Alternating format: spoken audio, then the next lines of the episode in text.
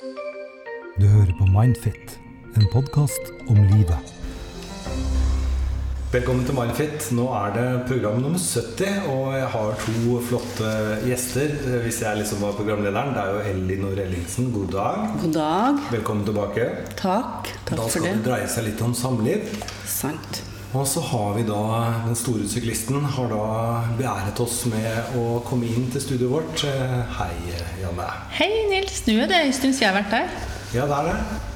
Så jeg hørte jo du hygga deg veldig med han Roger sist, da. Jeg syns det gikk veldig bra. Ja.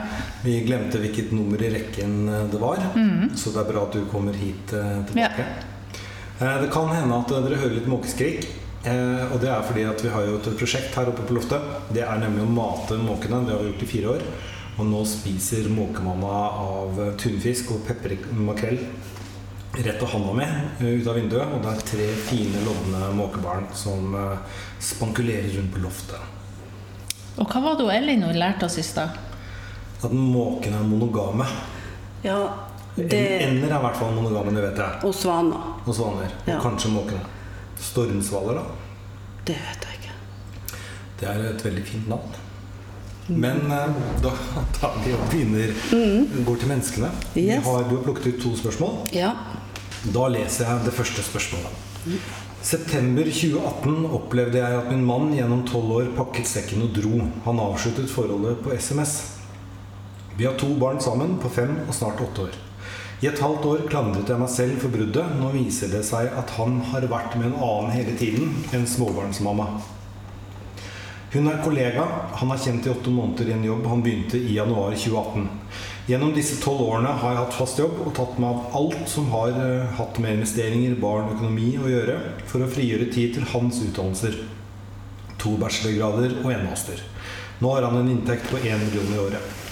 Samarbeidet er svært dårlig, og jeg opplever at jo mer på tilbudssiden jeg er vedrørende barna, så sintere og vanskeligere blir han. Jeg opplever også at han har begynt å snakke stygt om faren sin, som også gikk fram, søsteren og moren til fordel for en annen til barna våre. Jeg har egentlig mange spørsmål her. 1. Barna er fortsatt i sorg over bruddet. Han har allikevel begynt å innlemme den nye dama og hennes barn i livene til barna mine.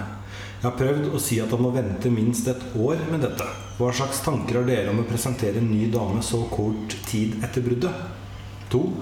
Hvorfor er eksmannen min så sint og bitter? Det er han som har valgt å bryte ut og gå. Forstår ikke hvorfor han er sint. 3. Hvordan skal jeg komme meg videre over et slikt svik? Er hun nye den første han har vært utro med? Er det flere? I tillegg føler jeg at jeg er blitt brukt. For å ha betalt for utdanningen hans. I tillegg har han kommet godt ut av forholdet økonomisk med lite studielån og verdier for over 1 million kroner. De siste månedene har han vist meg hva ondskap er, og hvor brutalt livet kan være. Jeg elsket ham og stolte på at han ønsket det samme som meg, å ta vare på familien vi har skapt sammen. Hvordan kommer jeg over dette sviket?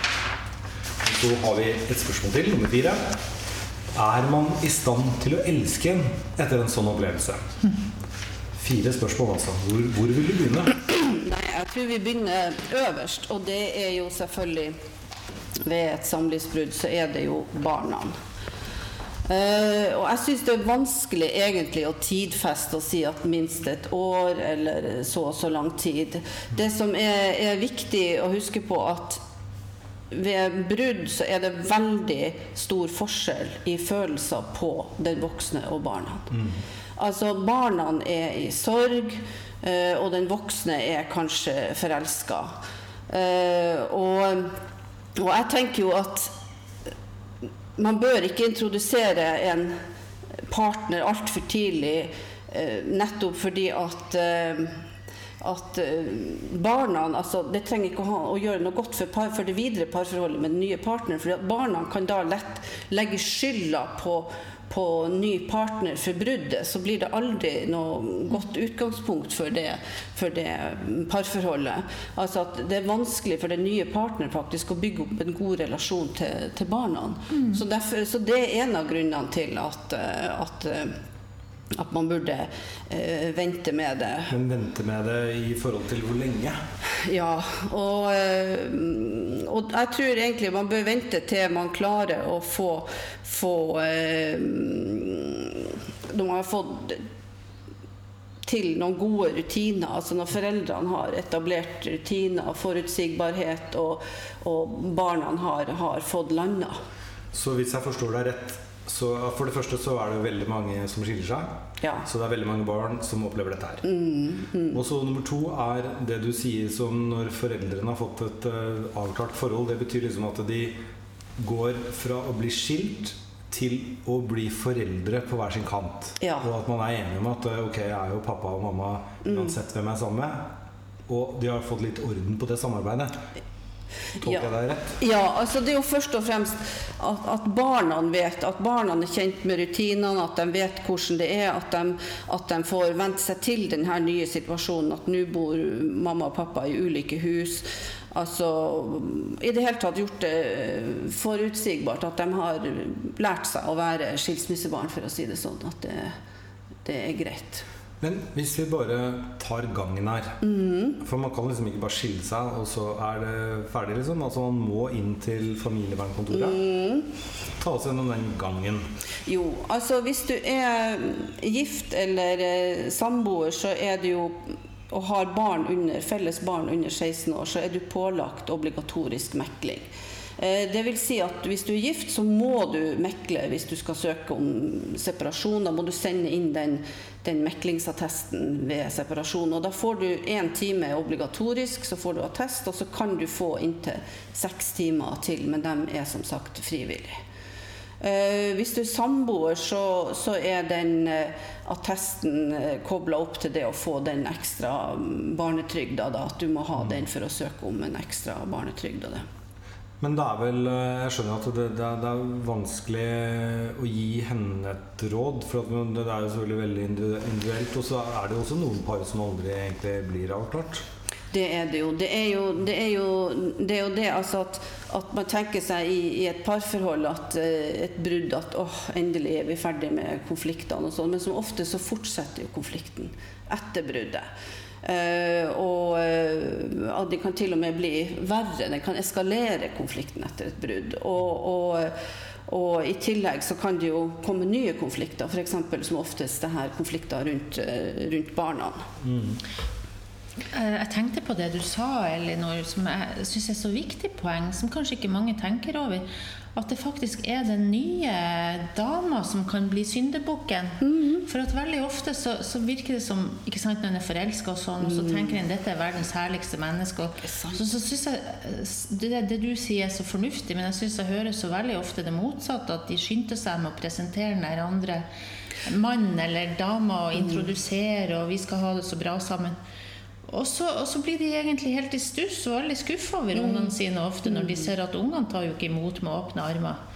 Altså, barna er jo ikke forelska. Altså, barn, barna må jo ta den her voksenkjæresten eller samboeren eller hva det er på, på, på kjøpet. Eh, og her er det jo da en mann eller, som er forelska, og da er det jo veldig påvirka av egne følelser. Alt er jo rosenrødt, og du vil jo at ungene også skal se det fantastiske nye mennesket som er kommet inn i livet. Men eh, altså, så når man er forelska, så man har det travelt. Men der er ikke ungene nødvendigvis. Og litt sånn, blir du en bedre omsorgsperson av en ny partner, f.eks. også? Kommer og spør seg. Så vanskelig å gi råd, men når foreldrene litt er så avklart som det går an å bli, da er det lurt å introdusere barna. Husk på at barna deler ikke forelskelsen til en av foreldrene. De, Nei. de kan jo bli glad i selvfølgelig de nye, det Det- det sier, men eh, den forelskelsen, det er noe Den er jo ikke De er jo tvert imot i sorg. Og så vidt jeg husker på det der spørsmålet, så, var jo, så hadde jo den her faren eh, åtte måneders forsprang nesten som han har. Så han eh, har det sikkert veldig travelt med å få inn den eh, nye partneren da. Men, men det er som sagt, hvis man tenker på barna, så, så er det ikke sikkert det er heldig. Og hvis han tenker på sin nye partner, så er det heller ikke sikkert det er heldig.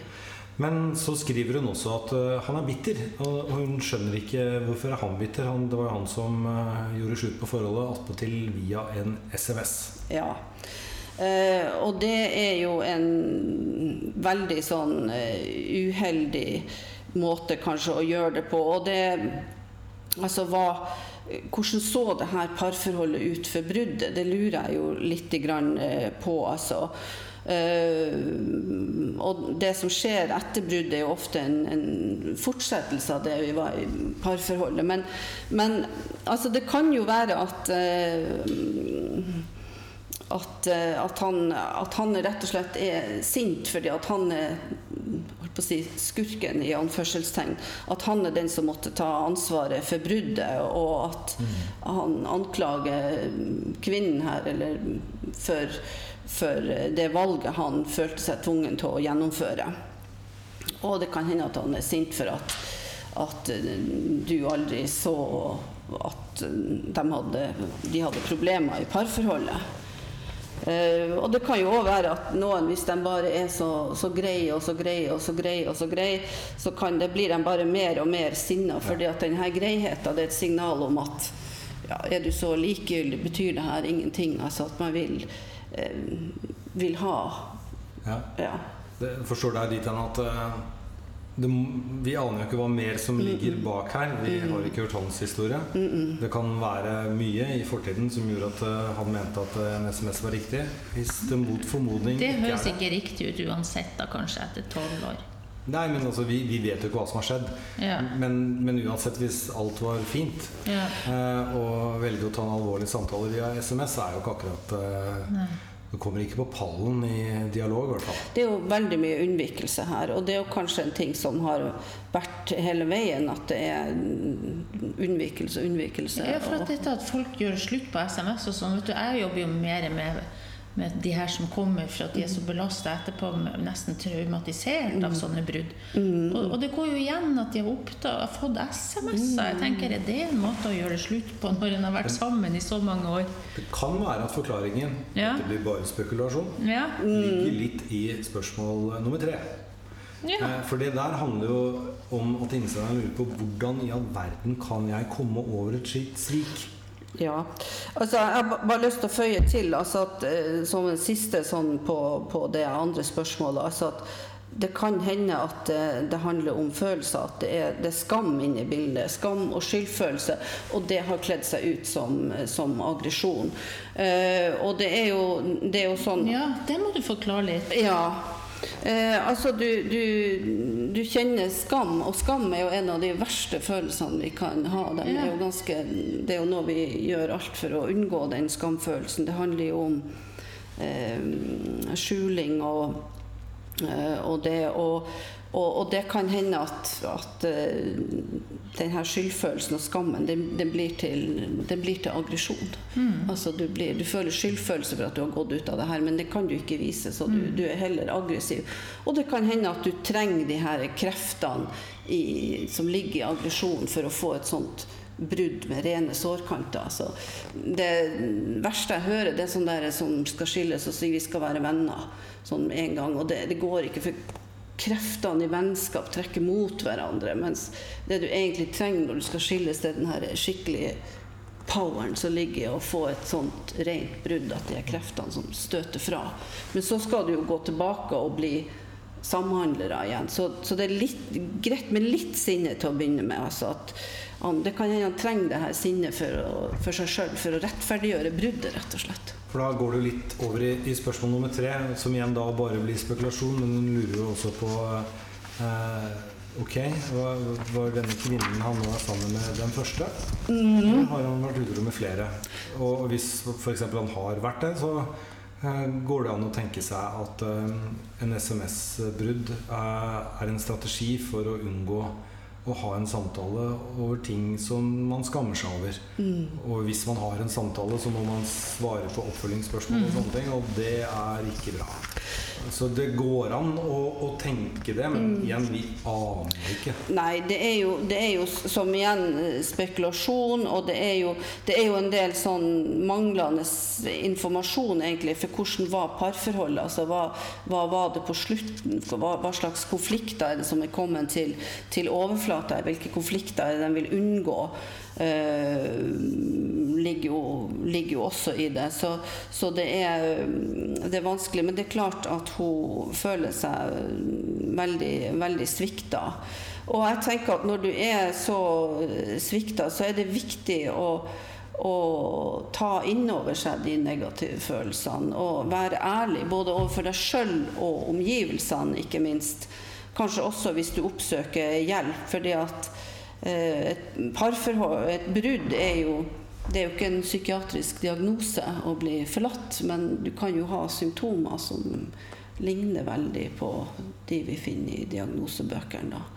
Så, eh, så, men det er det jo ikke. Og det kan jo hende at du ønsker å oppsøke, ta kontakt med hjelpeapparat. Og da er det viktig å være ærlig og, og det. fordi at hvis du ikke er ærlig på det, men sier at det går bra, og alt det der, så, så vil jo omgivelsene få feilaktig inntrykk av hvordan du egentlig har det. Og, og du vil jo heller ikke kunne få den støtte og omsorgen som du kanskje trenger fra andre relasjoner.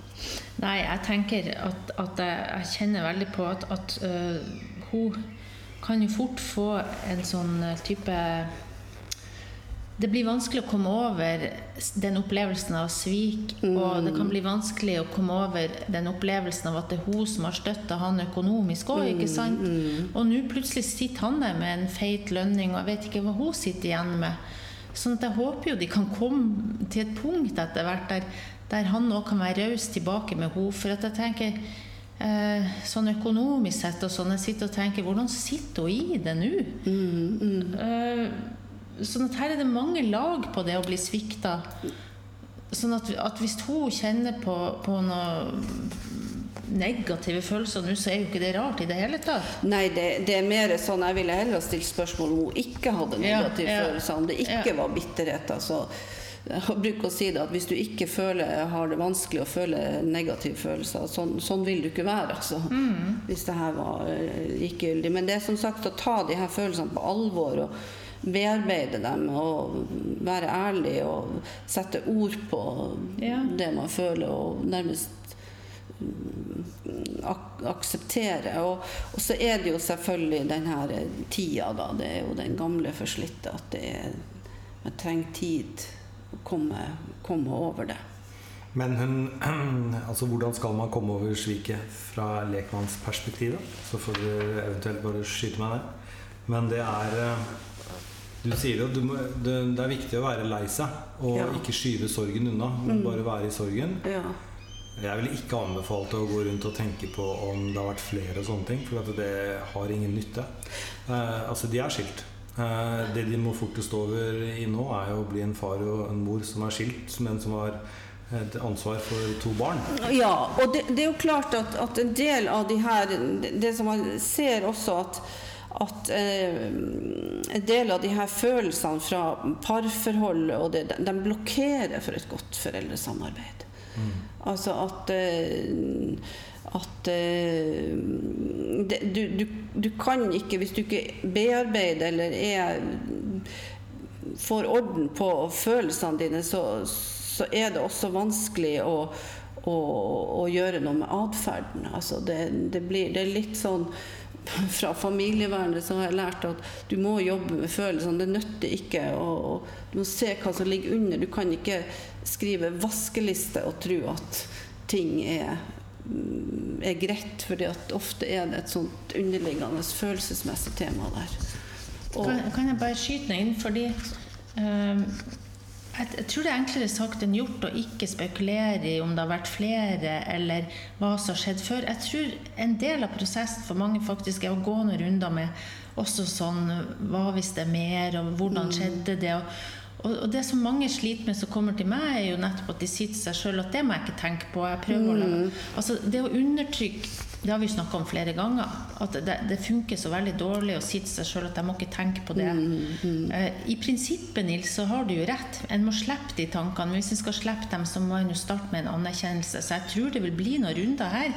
Og det må også få lov til. Der hun lurer veldig på og gjerne vil ha noe svar. Dessverre tror jeg ut ifra min erfaring at det ikke er sikkert han er i stand til å ville gi henne noe svar.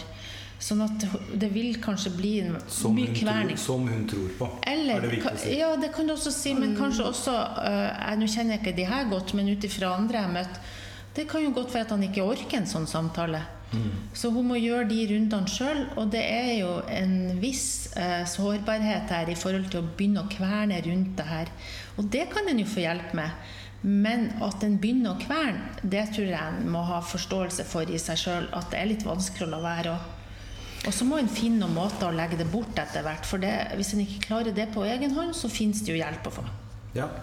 Og så kan man jo også treffe Hun spør vel også hvordan i verden skal jeg gå videre i livet. Mm. Da må man sette seg i en situasjon hvor det er mulig. Altså hvis du murer deg inne på et rom, så treffer du ingen andre mennesker.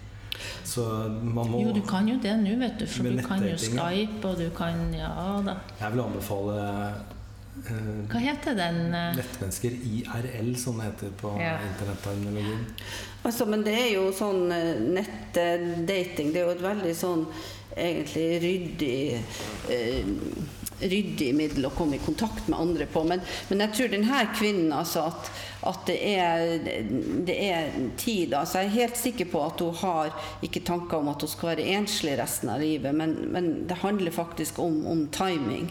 Eh, Er hun åpen der hun er nå med sorg og bitterhet og tap? Er hun åpen for å ta inn noen, noen andre?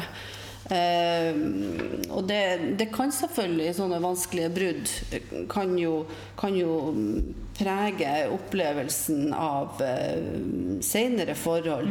Men, men det er, og da er det jo viktig, altså det her med egentlig med brudd, så bør man jo ha kanskje en, en bitte liten sånn karanteneperiode for å kontemplere og bli kjent med seg sjøl. Og det kan hende at det kommer frem noen nye reaksjoner og følelser i kjølvannet av et brudd. Altså.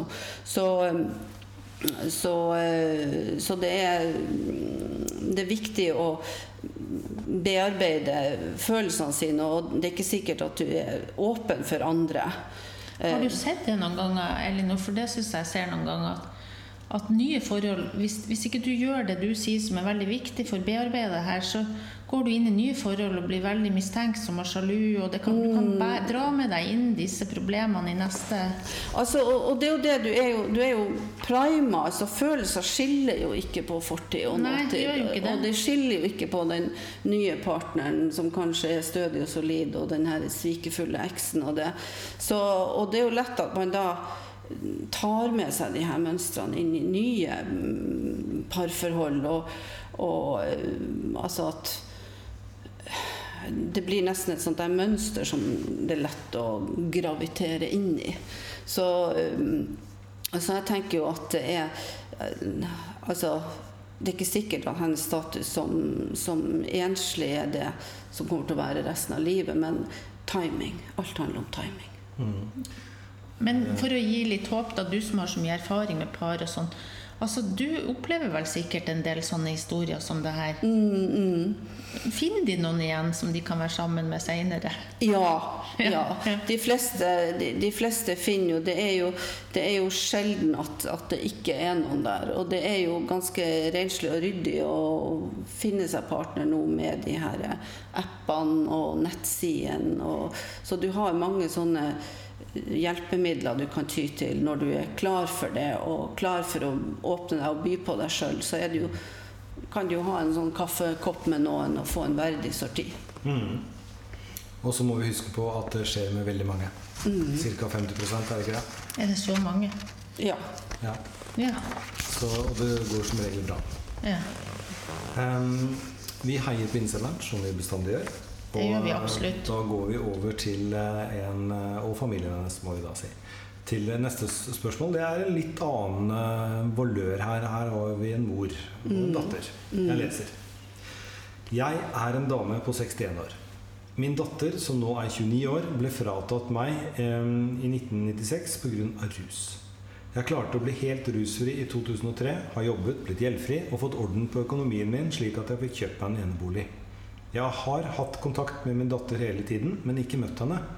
Vi har kontakt via SMS. Jeg vet ikke riktig hvordan eller hva jeg skal gjøre for at vi kan møte fysisk. Jeg er så redd for å presse meg på henne. Når jeg sender en SMS, så kan det gå opptil en uke før jeg får svar, men jeg tør nesten ikke å ta opp noe fordi jeg er så redd for at hun skal reagere negativt, om, som igjen fører til at hun ikke vil ha noe kontakt med meg. Jeg er så redd for å miste kontakten. Jeg sliter med så dårlig samvittighet for alt jeg har utsatt, uh, utsatt henne for, og jeg føler at jeg må ta min straff. Jeg har villet at hun skal få bruke den tiden hun trenger, men samtidig så sliter dette på meg. Jeg faller ofte så langt inn i en depresjon og orker ikke å gjøre annet enn å sitte i en stol og føler at alt er dømt til å mislykkes. Jeg kommer kanskje aldri til å få møte henne. Jeg vil ikke virke egoistisk, men jeg er nødt til å være ærlig og si det jeg mener til deg. Jeg lurer på hvordan jeg kan sette grenser for meg selv og samtidig bli respektert av min datter uten at jeg mister henne. Jeg føler at jeg ikke er tydelig, og jeg forstår at det da kan også bli oppfattet som jeg er svak og også ganske utrygg. Jeg har gått hos en psykolog, og han sa at jeg måtte bare finne meg i dette hvis jeg skulle ha kontakt med henne. Jeg forstår konsekvensen av mine handlinger, men jeg holder på å knekke fullstendig sammen snart. Jeg vet ikke hvor jeg kan henvende meg for å få profesjonell hjelp. Jeg må også ta vare på meg selv. Jeg føler meg så lite verdt. Jeg burde fått hjelp til å bygge opp selvfølelsen min, og også få hjelp til min angst og depresjon. Jeg hadde ønske om å få veiledning med hensyn til min relasjon mellom min datter og meg. Jeg vil jobbe mot et mål om å få møte min datter. Jeg har delt mine tanker til deg og håper du kan sette av litt tid til å sende meg en tilbakemelding. På forhånd, tusen takk for din tid. Ja. Altså Hun er 61 år, denne moren. Og dattera er 29. Og rus ble fratatt. Prøver å komme i kontakt med henne igjen. Klarer det kun via SMS. De har ikke møttes fysisk. Nei. Det må jo være hardt. Det må være beinhardt. Altså, har hun virkelig ikke hatt annen kontakt Altså, Dattera var seks år. Så har hun virkelig ikke hatt annen eh, kontakt. Da er det klart, da er det eh, Da er det vanskelig. Hun, eh, hun er jo veldig opptatt av dattera, hva hun tenker. Og ja, hun har jo mange tanker rundt det her. Eh, og det høres ut som at det er vanskelig å komme i eh, i posisjon. Jeg tenker jo at, at det er jo viktig at mor kan jo ikke vente noe initiativ fra dattera. Det gjør hun ikke. Men samtidig er mora litt sånn Hva jeg skal si litt, litt engstelig. Hun er litt sånn og overlater til, til dattera. Jeg tenker at her må mor eh, mor ta ta grep, altså at, at, hun tar noe mer, litt, litt mer sånne aktive grep. Kanskje sende en mail hvor hun deler akkurat de her følelsene hun har for dattera. At vet du, jeg har så lyst til å treffe deg, jeg skulle ønske vi kunne møtes. Jeg har savna deg, jeg har tenkt på hele livet hvordan det har gått. Du har vært i tankene mine osv. osv. At kunne du tenke deg å, å, å møtes? Altså at hun mor åpner opp for dattera, og så får hun heller ta det som kommer. Altså Hvis dattera sier avvise nei, det går ikke, eller et eller annet, så får hun heller stå i det. Mm. For nå vet hun jo ikke, det er jo nesten uavklart. Mm. Nettopp. Så det som hindrer henne fra Eller det du sier Jeg er helt enig. Altså Hun må gjøre det samme med forholdet til dattera si som hun har gjort med økonomien sin og sin egen rus. Hun har tatt et ordentlig oppgjør og bygd seg opp. Mm. Og hun har tatt ordentlige valg som har gitt henne valuta. Eh, det må hun gjøre det samme for dattera si. Og det som hindrer henne nå, er frykten for hvordan dattera skal reagere. Hun frykter at dattera kommer til å støte henne bort. Ja. Ok, Det verste som kan skje, er at det du er mest redd for, kommer til å skje. Ja. Så du har egentlig alt å vinne på å prøve å sende en mail, som du sier. Ja, jeg tenker jo Eller et brev altså, på papir. Altså, det her er jo, det er jo mors altså, det, er jo, det er jo hennes frykt for avvisning, men, men hun, hun, øh, hun er jo allerede i avvisninga. Det er jo en nærmest uavklart avvisning her. Fra, så hun er jo i avvisning allerede. Så, så, så nå kan du jo få en sånn, sånn, sånn avklaring.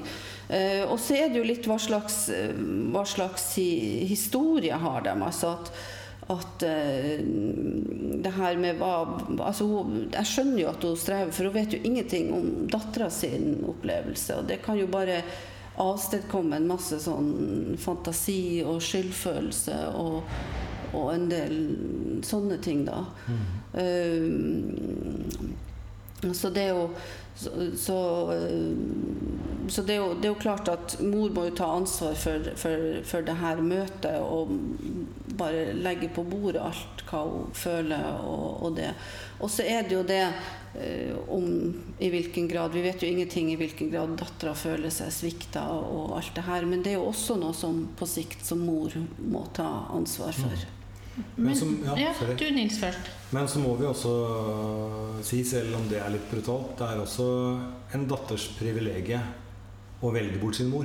Ja, det er det definitivt.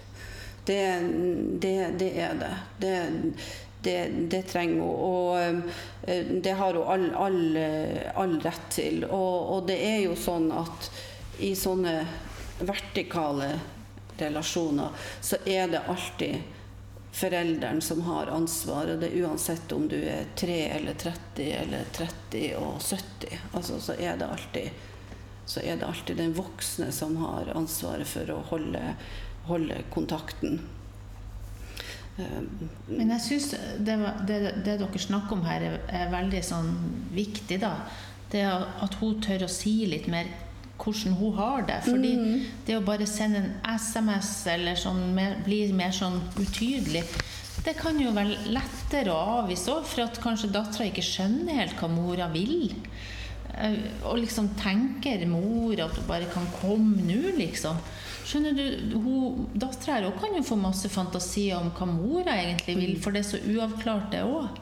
ja, så er jeg ikke verdt mer enn en SMS. Ja, ja, ja, du vet jo aldri hva, hva hun tenker igjen på den andre sida.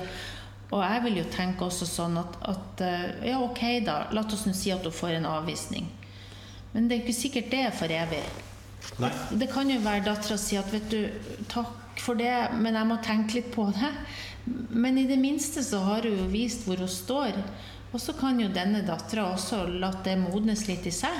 Eller på, i det minste som mora eksplisitt sagt Ja. at slik vi har det nå, plager meg. Ja. Jeg vil gjerne treffe deg. Ja. Kan vi treffes? Ja, ja. Da er det liksom Ok, du mener dette her, altså. Jeg mener virkelig at jeg har lyst til å møte deg. Jeg mener virkelig at, at jeg bryr meg, at jeg er lei meg for det som har vært. Ikke sant? Og du er så viktig for meg at jeg, Ja. jeg har ikke noe større ønske enn å møte deg.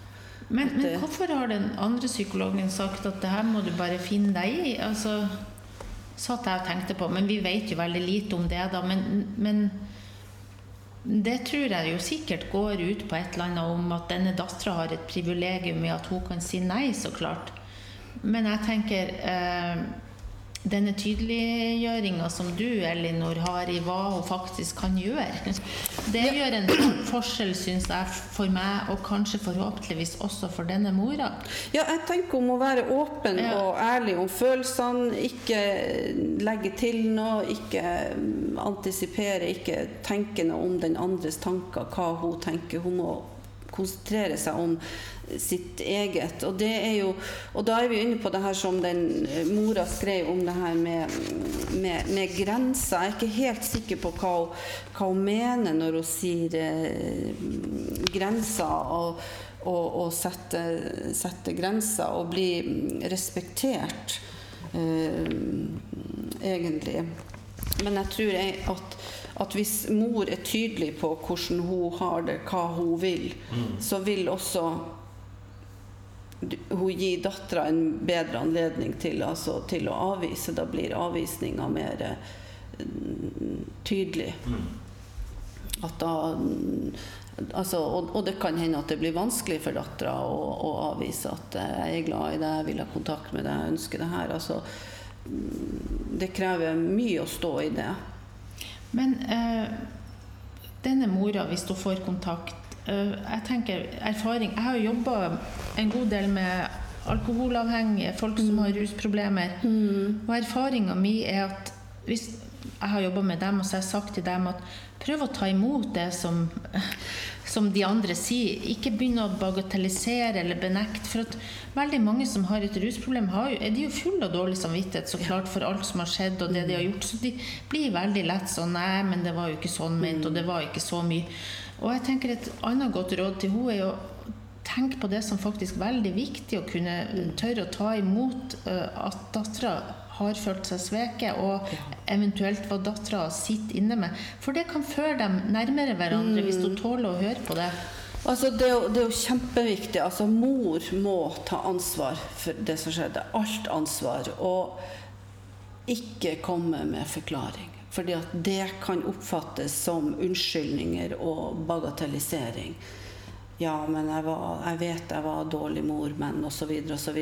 Det, er- det kan oppfattes som en slags eh, ansvarsfraskrivelse, så da er det viktig å bare nærmest legge seg flat. For hvis du begynner med en gang med forklaring og skal ha Altså, du må forstå dattera før hun i det hele tatt kan forstå deg. Ja, sånn er det. Den Ja. rekkefølgen må det være. Ja, den rekkefølgen må det være. For hvis du begynner å, å forklare det, så undergraver du din egen innrømmelse og kaster bort muligheten til å få en reell dialog på hvorfor det er blitt så vanskelig og fastlåst. Og denne dialogen den må til for at det skal bli forsoning. Men da sier vi at vi har eh, gitt et eh, svar, Ja. forhåpentligvis, på det der. Eh, Kan jeg bare si en ting til? Jeg bare lurer på, Hvor kan en få hjelp til det her? Og jeg tenker, i hvert fall jeg som har jobba i Blå Kors-systemet, eh, at de har jo eh, mye erfaring på dialog mellom ja, generasjoner, eh, par i forhold til rus. At, at hvis det finnes et, en sånn institusjon i nærheten av denne mora, så kanskje en kunne søkt eh, råd der. Jeg vil anbefale familievernkontoret. Ville du det? Ja, fordi at dette er jo ikke et problem om rus lenger. Nei, men de Det har er, det er et problem om Ja, ja men du, det, er ikke, altså det er faktisk litt min erfaring at familievernkontoret kan litt lite om rus. Og at inne på i hvert fall Ladbehandlingssenteret, som jeg kjenner godt, og eh, Borgestadklinikken, de har jobba med pårørendetilnærming i årevis. De er veldig gode på dialoger mellom eh, altså de, tar også, de har også egne pårørendetilbud. Sånn at jeg tror eh, at de kunne faktisk hjulpet til med å få til gode dialoger. Men det spørs om det blir litt utafor det de vil gå inn i, siden mor er rusfri, hvis du skjønner, så kanskje de vil si nei, det, det kan vi ikke bry oss om. Men de vil kanskje faktisk kunne gi Altså- et uh, type hjelp til denne dattera, for de gir hjelp til pårørende, også altså de som har vokst opp med Jeg tenker jo litt annerledes, kanskje, for jeg kommer jo fra familievernet. Så jeg Ja. tenker jo at akkurat nå altså Det er jo, to, det er jo ja, 1996, rusfri 2003. Det er 16 Ja, år siden jeg ble rusfri. Ja. Så jeg tenker at hvor stor del er rusen her? Altså hvor mye Det er det, det, det sviket, det er relasjonen som er Ja. Så, så jeg vil tenke at jeg vil ta inn det perspektivet, altså. Og, og prøvd reparasjon. Og, og det jo Familievern skal jo også jobbe med de vertikale relasjonene, ikke bare de horisontale. Så Men det er sikkert mye dattera må eh, få lov til å, å si òg, for at mm. mor har jo vært ruset noe av det første hun husker, og til langt opp i tenårene. Så det er jo en veldig lang Rus blir på et vis eh, noe helt eget. Det gjør noe helt eget med relasjoner, min erfaring. mm, absolutt. Og, og jeg er helt sikker på at familievernkontoret også kan gjøre en god jobb med det, men da må de ta inn over seg alt det irrasjonelle eh, som skjer i forbindelse med, med rus. Og jeg tenker at i hvert fall denne dattera, da, men hun hører jo ikke på. Hun, men hun hadde faktisk kunnet fått et tilbud i et sånn Blå Kors-system. For at de gir tilbud til Pårørende. ja, Ja. voksne barn av rusmisbrukere har de tilbud til. Og det er jo for at de ser at dette er noe som folk plages med i årevis etterpå. Men så er det jo hvor mye identifiserer mor seg som Ja, rusmisbruker ja, nå? si, ja. Altså, hva, vil Ja. hun, er hun der? Altså, er det, Ja. For det er, jo, det er jo relasjonen hun står i. Det er sant, men hun burde også ta inn over seg kanskje at rusen var en stor del av det som gjorde at det ble vanskelig. Men oppsummert, Ja. ta grep om hun har lyst til å treffe din datter. Skriv et brev og si at du vil, og si hvordan du føler deg når vi er i denne uavklarte situasjonen. Ja. Det er vår anbefaling. Men uh, Elinor Ellingsen, tusen takk skal du ha. Bare hyggelig. Takk for at du kommer. Det syns vi er kjempefint. Det er kjempefint å være her vi ser deg igjen snart, da. Ja, det håper vi. Ja. Ja. Er det, nå er det jo sommer, eh, og ferien står for tur. Yes. Eh, når er det skilsmissehøytid? Rett etter ferien, kanskje? Ja, det skjer jo ting i ferien, men det får bli en ny podkast. Ja. Man blir tvunget til å være sammen. og Det, det orker vi ikke. Nei, Nei. ikke nå. Men send inn spørsmål. Vi setter stor, stor pris på det, og da får dere ha det bra. Ja. Ha Ha det. Ha det.